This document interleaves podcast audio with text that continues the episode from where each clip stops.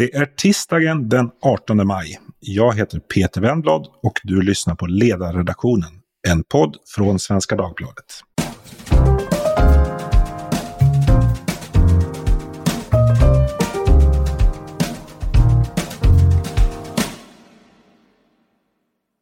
Idag ska vi prata om de växande ekonomiska klyftorna i Sverige. Å ena sidan har Sverige en fattig, etnifierad underklass och å andra sidan en rätt välbeställd villaägarklass som många gånger kan bli mångmiljonärer bara av att bo. Och frågan är, hur ska man som borgerlig förhålla sig till att den som vill bli rik i Sverige snarare bör skaffa sig en bostadsrätt än en utbildning? Hur ska man se på att de som arbetar och anstränger sig framstår som ekonomiska förlorare jämfört med de som passivt äger aktier eller har ärvt ett sommarhus? Det här tänkte jag diskutera med två sakkunniga gäster. Den första är Daniel Waldenström som är professor i nationalekonomi och forskar om inkomstfördelning och social rörlighet. Välkommen hit Daniel. Tack så mycket. Den andra gästen är den borgerliga debattören och skribenten Alice Teodorescu som så sent som i helgen gjorde debut som kolumnist i Expressen med en text om fattigdomen i Sverige. Du ska också vara välkommen Alice. Tack snälla. Eh, men jag tänkte faktiskt börja med att prata lite om mig själv, eller ta mig själv som utgångspunkt för den här diskussionen. Eh, jag är en sån där person som har ett bra jobb. Jag har en ganska hög lön så att jag kan eh, leva ett gott vardagsliv utan några större bekymmer. Men jag skulle inte påstå att jag är rik. Jag har, visst, jag har pengar på kontot så jag kan klara av både en och annan eh, oförutsedd större utgift. Men 90 procent skulle jag säga av det som jag äger är värdeökningen på ett sommartorp som jag äger på södra Gotland och som jag köpte för snart åtta år sedan. Ett torp som jag kunde köpa tack vare att jag tidigare i livet kunde köpa en lägenhet med hjälp av ett arv. Ett förskottsarv var det faktiskt från min farmor och farfar.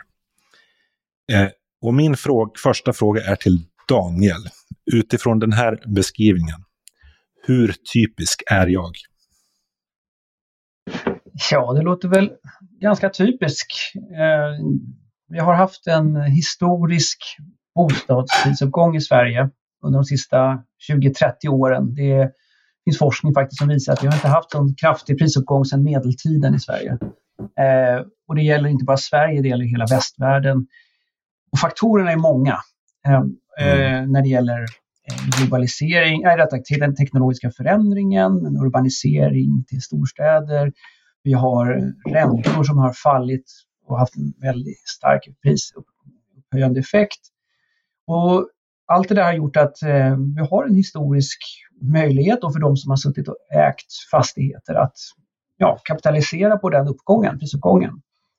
Och det, man ska kanske komma ihåg, jag tänkte på din inledning, att man inte kan, det spelar ingen roll om man utbildar sig eller vad du sa, eh, allting handlar om eh, Lite tillspetsat kanske. Men... Lite tillspetsat därför att mm. eh, det är fortfarande så att inträdesbiljetten på fastighetsmarknaden är fortfarande en inkomst. Mm. Och för att få en inkomst behöver man ha ett humankapital, en, en, en utbildning och så. Men eh, eh med det sagt så tror jag väl att du är relativt sett typisk för åtminstone halva befolkningen eh, i, i, stort, skulle jag vilja säga. Så det är ganska många som inte följer det mönstret helt och hållet heller. Men hur, hur ojämlikt är Sverige? Och hur har det, hur har det, hur har det utvecklats? Vi kan begränsa det till, ja men säg 2000-talet för att det inte ska bli medeltiden igen. Ja, precis. Jag skulle ändå vilja säga att Sverige är, hur man än mäter, ett av världens jämlikaste länder. Och vi var förmodligen ännu mer jämlika relativt alla andra länder för 30 år sedan eller 40 år sedan när vi nådde toppen på en, en väldigt kraftfull fördelningspolitik kan man säga med, och regleringspolitik med väldigt höga skatter och regleringar. Men trots att vi har avreglerat och eh, sänkt beskattningen eh, för att just frigöra drivkrafter att också få en växande kaka så är vi ett väldigt jämlikt land skulle jag säga i mångt och mycket. Både när det gäller inkomster som folk får men också i möjligheter när det gäller eh, kostnadsfri utbildning. Vi har barnomsorg, eh, grundskola, gymnasium, hög, hög, högre utbildning. Vi har vård i, för äldre och tandvård som är oerhört subventionerat. Och de tillfaller och spelar faktiskt störst roll för de som har relativt låga inkomster i, mm. i månadslön. Och tar man med det så, så då kan man se att den svenska omfördelningen och välfärdsstaten levererar en väldigt hög grad av jämlikhet. Eh, historiskt hög, än, även idag. Men jag läste en intervju med dig eh, för någon vecka sedan i Dagens Industri eh, där du sa att Sverige är det, kanske det land i världen där det är svårast att arbeta sig till, till eh, rikedom. Eh, är det så? Och... Ja, citatet, kanske rubriken var så, lönearbeta sig till rikedom ska man vilja säga. Mm. Alltså efter skatt eh, så har vi inte mycket pengar kvar i Sverige för att spara. Eh, det kan förmodligen vara så att din eh, lägenhetsprisökning och, och sommartorpets prisökning innebär väl kanske hundra år av vanligt sparande utifrån en vanlig inkomst efter skatt. Eh, det här är både skattefråga men också en kan man säga, utbildningspremiefråga. Vi har en, en hög nivå för väldigt många levnadsmässigt men att lyfta sig inkomstmässigt, lönemässigt har varit väldigt svårt i Sverige med en väldigt kollektiviserad lönebildning, eh, en, lön, en utbildningspremie som har varit ganska tillbakahållen. Faktum är att den är nästan lägst i Sverige i hela västvärlden skulle jag säga. Mm. Och det så att säga, den delen, det, på det sättet att arbeta sig rik, att ackumulera en, en egen privat förmögenhet, det är oerhört svårt i Sverige, om inte omöjligt. Med det sagt, att arbeta i en, genom att starta ett företag och bygga upp det, det är också arbete. Mm. Ehm, det har vi sett att det är, har varit en väg att bli rik. Så det går att arbeta sig som företagsgrundare och ledare och så och sen lyckas på den vägen. Men just lönearbetet, där tror jag är väldigt, väldigt svårt. Men eh, Alice, mm. hur ser du på min eh, inledande, lite tillspetsade eh, fråga.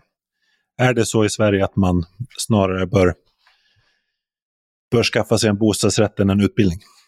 Ja, jag instämmer mycket i det som, som Daniel tar upp.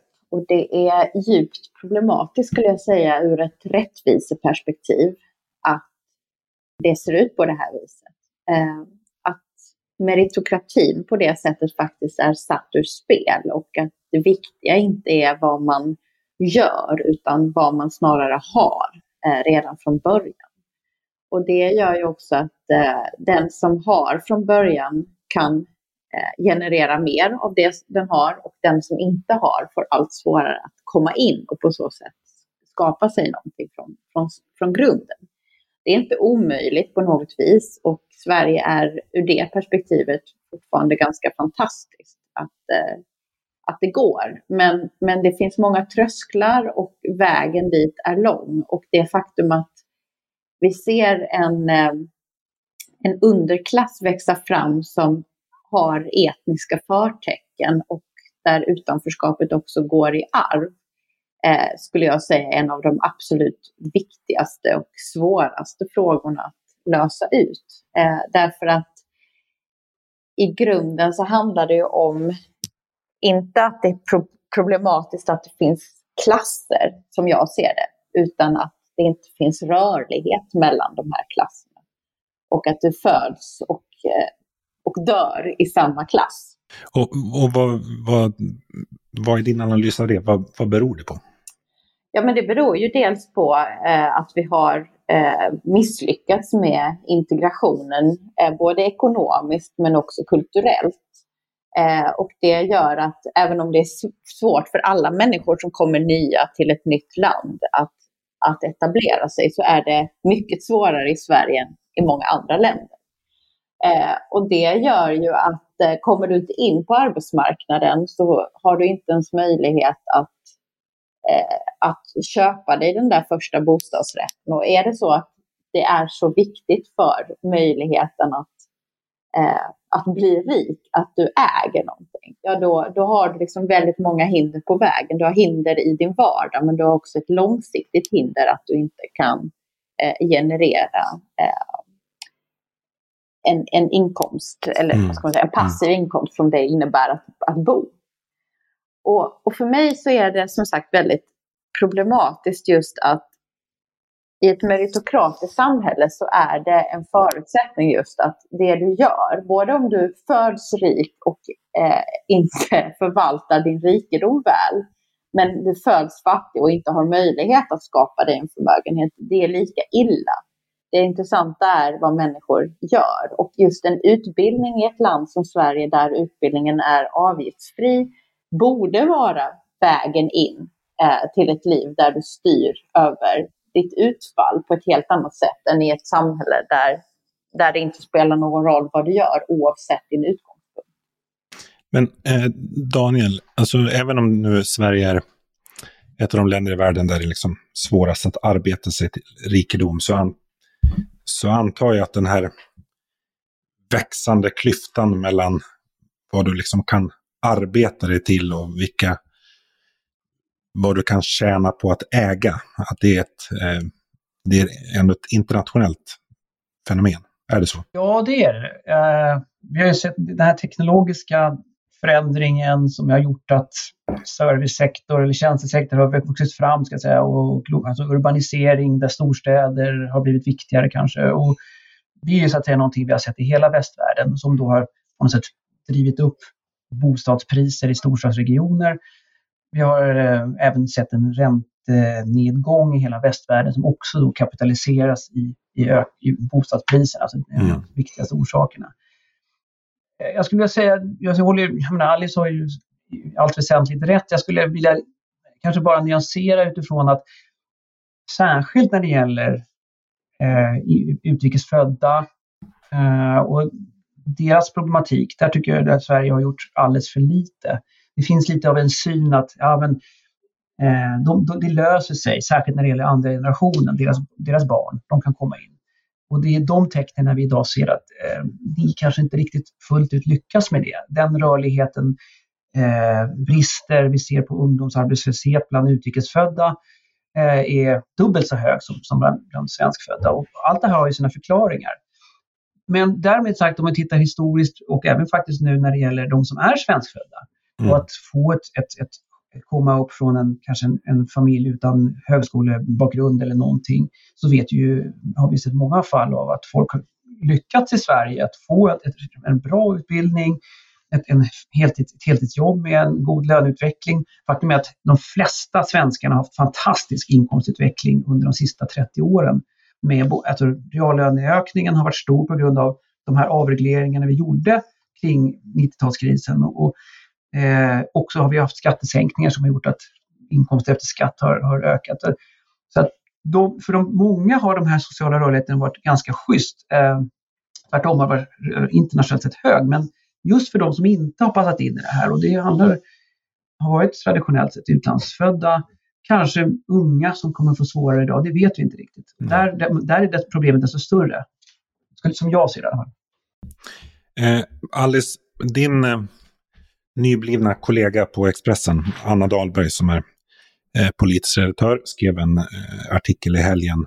Hon framförde att hon tyckte att borgerligheten eh, borde se det som ett, ett större problem än vad man gör idag. Just det att, att klyftan mellan de som äger och de som arbetar eh, ökar. Och lite grann i linje med det som jag sa i min, min inledning. Eh, så att det, man framstår som en ekonomisk förlorare om man, om man arbetar jämfört med om man passivt äger aktier eller har, har ärvt ett sommarhus. Hur, hur ser du på det här? Delar du hennes uppfattning? Om du nu vågar ha invändningar mot din nya chef. Nej, men jag tycker att, eh, att det är väldigt viktigt att borgerligheten är uppmärksam på den här frågan. Det är ju en fråga som som kanske inte har engagerat borgerliga partier av den enkla anledningen att eh, vänstern har haft patent på den så att säga. Men problemet här är ju i flera steg. Alltså, om du inte arbetar så kan du ju heller inte köpa aktier och du kan inte heller köpa dig ett sommarhus eller en lägenhet som kan generera en vinst. Mm. Jag skulle säga att det, att det är ett problem i flera olika steg. Dels de som aldrig kommer in och sen att klyftorna ökar uppåt. sen kan man fråga sig, är det så allvarligt att klyftorna ökar uppåt, det vill säga att vi får en relativ, arbets eller en relativ eh, eh, fattigdom? Eller ska vi fokusera mer på den absoluta? Och återigen, jag, jag kommer tillbaka till det, så länge det finns en rörlighet, så länge det spelar roll vad du gör, så tycker inte jag att det är problematiskt. Däremot så, så är det intressant att vi har en situation där du inte kan ha ett vanligt arbete och lägga undan pengar efter skatt. Så att du på det sättet kan skapa dig, inte en förmögenhet, men i alla fall en, en ekonomisk trygghet. Eh, mm. och det är ju mer en skattefråga eh, som, som man behöver fundera på. Och där just skattesänkningar på låga löner har ett, en, en enorm effekt just för den, den möjligheten att, att lägga undan kapital. Eh, så jag tycker absolut att det är en fråga som borgerligheten behöver adressera och oroa sig över. Men, och, hur, och hur ska man göra det? Nej, men så här, jag, jag tror att det är viktigare att fokus ligger på, inte på att folk äger mer, utan på de som inte kommer in. Eh, och där kanske Anna och jag har lite olika syn på vad som är besvärligast. Men jag tror att man kan föra de här diskussionerna parallellt. Ja, det handlar ju dels om eh, att sänka det klassiska, att sänka trösklarna in på arbetsmarknaden. Mm. Eh, att få ungdomar att söka sig till eh, i valet mellan att inte göra någonting och att göra någonting som på sikt skulle kunna innebära någon slags löneutveckling. Eh, och där, det, det, handlar liksom om sambandet mellan skatter och bidrag. Eh, och att det idag kan löna sig väldigt mycket mer att leva på bidrag än att ha ett lågavlönat arbete. Eh, sen tycker jag också det är intressant hur, hur vi ser på eh, den som blir förmögen på att vara idrottare eller den som blir förmögen på att driva företag. Det finns också en, en, eh, en syn i Sverige som jag tror kan, kan vara intressant att lyfta i det här perspektivet just vad gäller hur man, hur man får sina pengar. Var, vilka pengar är fina och vilka pengar är fula och vilken, vilken rikedom är, är någonting att ha och vilken är det inte. Och det är intressant att att vinna på Lotto eller att, att ärva inte är lika fult som att vara nyrik, det vill säga att ha tjänat ihop pengar och att ha jobbat ihop pengarna och då inte ha gjort det på att vara idrottare. Har du inte gjort det på att vara idrottare så tenderar det att betraktas som elitistiskt till exempel. Ja, men för det, det är ju en så klassisk borgerlig sägning att i Sverige kan man bara bli på rik, rik på arv eller lotteri. Mm. Eh, men om jag ska vara lite, spetsa till det lite igen. På vilket sätt skiljer sig egentligen att bli rik på en bostadsrätt än från att bli rik på lotteri? Nej men precis, det är ju ett lotteri. Och den som hade, hade kapital att köpa någonting för eh, på 90-talet, eh, när man gjorde mycket ombildningar till exempel, och som har suttit på en lägenhet i Stockholms innerstad som ombildades, kan ju idag göra liksom, 10 miljoner i vinst på den. Mm. Eh, och, och ur det perspektivet, du har ju inte gjort någonting för att förtjäna den ökningen. Och det är, väl, det är väl det som skulle vara i så fall det borgerliga perspektivet på det här. Att, eh, att du har inte gjort någonting för att förtjäna det, det har inget meritokratiskt perspektiv, det finns ingen rättvisa i att du råkade äga en bostadsrätt som, som genererade en stor vinst.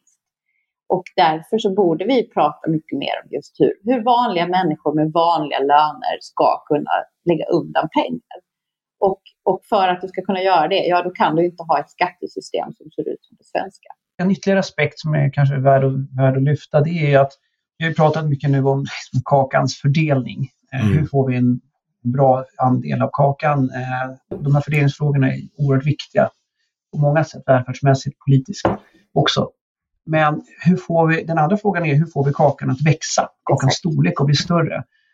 Och det, det, här, det är här jag tycker också att synsättet på att arbete är viktigt och att det ska löna sig Eh, kommer fram ännu starkare, eller minst lika starkt. Vi behöver så att säga signalera för våra unga och även människor i karriären att ja, det, ska, det är bra att anstränga sig för att få en extra bra utbildning och jobba hårt, eh, långa tider kanske periodvis, eh, eh, och försöka förbättra sin arbetssituation därför att det kommer både löna sig privatekonomiskt men också hela landet behöver den typen av initiativkraft för att vi, vårt välstånd ska bärgas. Tillväxten är så att säga grunden för, för välfärden faktiskt för alla. Vi har ju nästan alla välfärdssystem som är ju skattefinansierade. Inte minst pensioner. Här, här är ju det en stor politisk eh, bomb som kan vila, eh, lura bakom hörnet om vi inte får in skatteintäkter för att finansiera skatte, eh, pensionssystemet. Och den typen av signalvärde eh, inte riktigt kanske så, fullt så starkt som jag åtminstone skulle önska när det gäller att eh, hur vi beskattar arbete både för de låginkomsttagarna men faktiskt också för de som har jobbat ett tag och jobba, få dem att jobba ännu lite mer. Eh, men också då för studenter när man väljer sin utbildning. Så att den, vi vill alltså kakans storlek ska också växa. Det är en viktig del av det här. Om vi ändå håller oss kvar vid, vid, vid perspektivet att liksom hur, hur den befintliga kakan ska fördelas. Alltså ur ditt forskningsperspektiv, vilka risker ser du eh, med att de ekonomiska skillnaderna växer mellan de som arbetar och de som äger? Ojämlikhet i samhället behöver inte vara dålig i sig. Tvärtom så är den i vissa avseenden naturlig eh, eftersom folk har olika smak när det gäller att arbeta hårt eller så. Eh, eller hur man investerar. Eh, en del av den här värdeökning på tillgångar när det gäller aktieinvesterare till exempel, det handlar ju också om ett risktagande. Mm. Det ska vi komma ihåg. Att det är inte bara oförtjänta tillgångsökningar. Jag, jag, jag antar att liksom risken upp, uppkommer när, när ojämlikheten uppfattas som orättvis. Ja, men precis. Och då, då, alltså, dels kanske, om vi nu säger så här, att, att vi vill försöka få hela samhället att må så bra som möjligt. Det i sig motiverar en omfördelning av, av resurser från de som har mer till de som har mindre. Det kommer öka den, den sammantagna, sammantagna välbefinnandet i ekonomin. Och så en, en ökad ojämlikhet på så vis motiverar så att säga en ökad omfördelning politiskt. Mm. Men det andra handlar ju också då om att vi får kanske problem att hålla ihop samhället. Vad betyder det? Jo, det betyder att vi inte riktigt kanske litar på varandra som vi har gjort tidigare. Eh, samhörighetskänslor och tillit är viktiga för att det ska funka. Att vi inte ska behöva koppla in jurister varenda gång vi ska göra en transaktion till exempel. Mm. Eh, folk kanske blir misstänksamma i termer av ökad kriminalitet eh, och då vill man kanske börja bygga upp eh, skyddsbarriärer för att inte folk i fattigare områden ska komma och sno ens tillgångar. Och det är inte någonting som någon mår bra av, vare sig de som hamnar utanför eller de som behöver skydda sig mer och mer. Den typen av eh, konsekvenser av en ökad, dessutom då omotiverad kanske ojämlikhet i termer av den här lotterimässiga tillgångsvärdeökningen, den, den, det är någonting vi kanske behöver stävja då, kanske rent politiskt. Men, men, eh. och, hur, och hur gör man det? Ja, det är inte så lätt. Eh, jag tror till exempel att eh, när det gäller bostadsmarknaden så kan vi ju titta på, jag tror privat ägande är ett rätt så bra sätt för väldigt många att bo. Vi vet att eh, hyresrätter slits mycket mer än bostadsrätter till exempel. Det är därför mm. att folk eh, tar mer hand om sina egna ägodelar än andras ägodelar. Spritt ägande eh, skapar delaktighet, men det skapar alltså faktiskt en, en långsiktig effekt därför att vi, vi, ser i forskningen att bostadsägande har faktiskt avkastat ganska mycket, även historiskt, till en mycket mindre risk än, än aktieinvesteringar. När det gäller aktieinvesteringar så har vi en, en ganska stor Eh, fondering av pensionssystemet. De har faktiskt gett mycket tillgångar, mycket förmögenhet till väldigt många. Alla som har ett jobb och en del i pensionssparande via jobbet. Och det glöms, glöms ibland bort eh, i den här diskussionen. Men det här är också en aspekt att, att, att finnas med som, som eh, löntagare i sitt pensionssparande i långsiktiga eh, tillgångsinvesteringar, inte minst i, i aktiemarknaden. Eh, en, en ytterligare aspekt när det gäller bostadspriserna, det är en känsligare fråga när det gäller beskattning till exempel. Eh, men det är klart att eh, en del av uppgången i priser har sin grund i det här eh, takbeloppet kan man säga som infördes i fastighetsbeskattningen 2008. Mm. Helt enkelt att man ska betala en, en fastighetsskatt som tidigare om man bor i en liten villa eller lite småhus på, på landsbygden. Men bor du i eh, storstadsregionerna så kommer du inte betala någonting mer över en viss gräns, det är några tusen per år. Vilket innebär att skattesatsen är mycket, mycket, mycket lägre. Eh, alltså den är rent regressiv. Och det har skapat en kraftig liksom, värdestegringseffekt på de bostäderna. Det, jag har i vissa sammanhang tyckt att den typen av beskattning på boende är mycket effektivare. Den kan, och vi kan lyfta över en, en, del av arbetsbeskattningen till en sån beskattning kan vi just få kakans storlek att växa ännu mera. Eh, eh, det är i alla fall den typen av politik som skulle kunna mm. förbättra mm. så att säga den här typen av, av, av problemställningar. Hur, hur, ser, hur ser du på det Alice? Eh, alltså, vi har ju haft en, en eh, politisk diskussion om till exempel eh, att återinföra fastighetsskatten eller liksom förändra eh, fastighetsbeskattningen. Och jag begriper att det är en politiskt otroligt känslig fråga, men rent principiellt, hur, hur eh, ser du på det? Ja, alltså man får ju fråga sig vem det är som skulle drabbas av en sån skatt. Skulle den här inkludera liksom små hushåll och, och bostadsrätter så det är klart att det, det får ju problem. Det, det skapar ju just de här eh, inlåsningarna som vi pratar om i form av att har du inget att lägga undan för att du betalar en massa skatter utöver de skatter som du redan betalar så minskar ju människors möjligheter att spara ännu mer.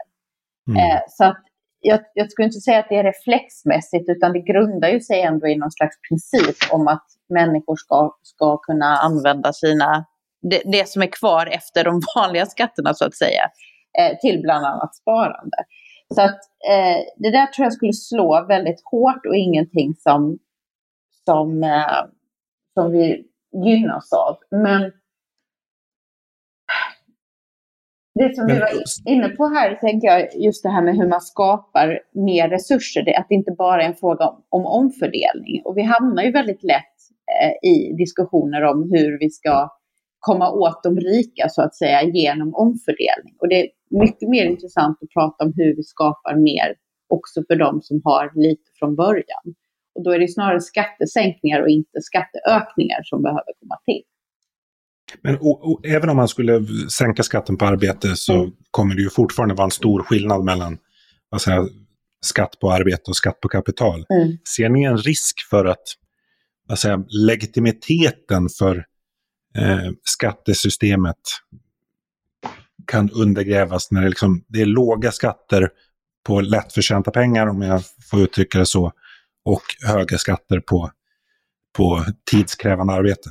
jag tycker egentligen inte att det är så stora skillnader på skatter på arbete och kapital faktiskt. Alltså kapital beskattas ganska mycket i Sverige. Eh, vi har alla, alla aktieutdelningar, det är dubbelbeskattning på dem. Då pratar vi snitt 40 skatt eh, åtminstone, eller eh, ofta lite mer. Eh, det är bostadsbeskattning som sticker ut, skulle jag säga. Eh, och inte minst bostadsrätter, stora eh, småhus i eh, storstadsregionerna där det här blir väldigt billigt boende. Eh, och det är precis som Alice säger, det minskar ju rörligheten då på bostadsmarknaden. För att, eh, varför flytta till en hyresrätt som är fullt fastighetsbeskattad eh, än, än, än bo kvar i en skatt, skulle jag säga, subventionerat boende? Svenskarna vill inte ha mer skatter. Vi ligger nästan i topp i världen i skattetryck. Så det, det kan jag förstå också, att vi vill liksom inte ha nya skatter hur som helst. Utan det handlar ju om att, att minska beskattning på arbete för att signalera. Vi vill att ni ska utbilda er länge och bra och jobba hårt. Eh, och, och, sen då vill vi samtidigt ha bra skatter. Eh, en bostadsbeskattning är en effektivare skatt än, än en arbetsbeskattning. Det är relativt tydligt. Men eh, så, att, så att det är klart att det här är viktiga signalvärden hur vi vill att vår, samhällets liksom, fokus ska ligga. Vad, vad tänker du Alice? Ja, jag, jag håller med. Ser du också risken för en legitimitetskris för, för eh, skattesystemet? Liksom? Ja, och, och, särskilt om man då adderar den legitimitetskris som skattesystemet lider av eftersom många anser att de inte får så mycket för de skatter som de redan betalar in.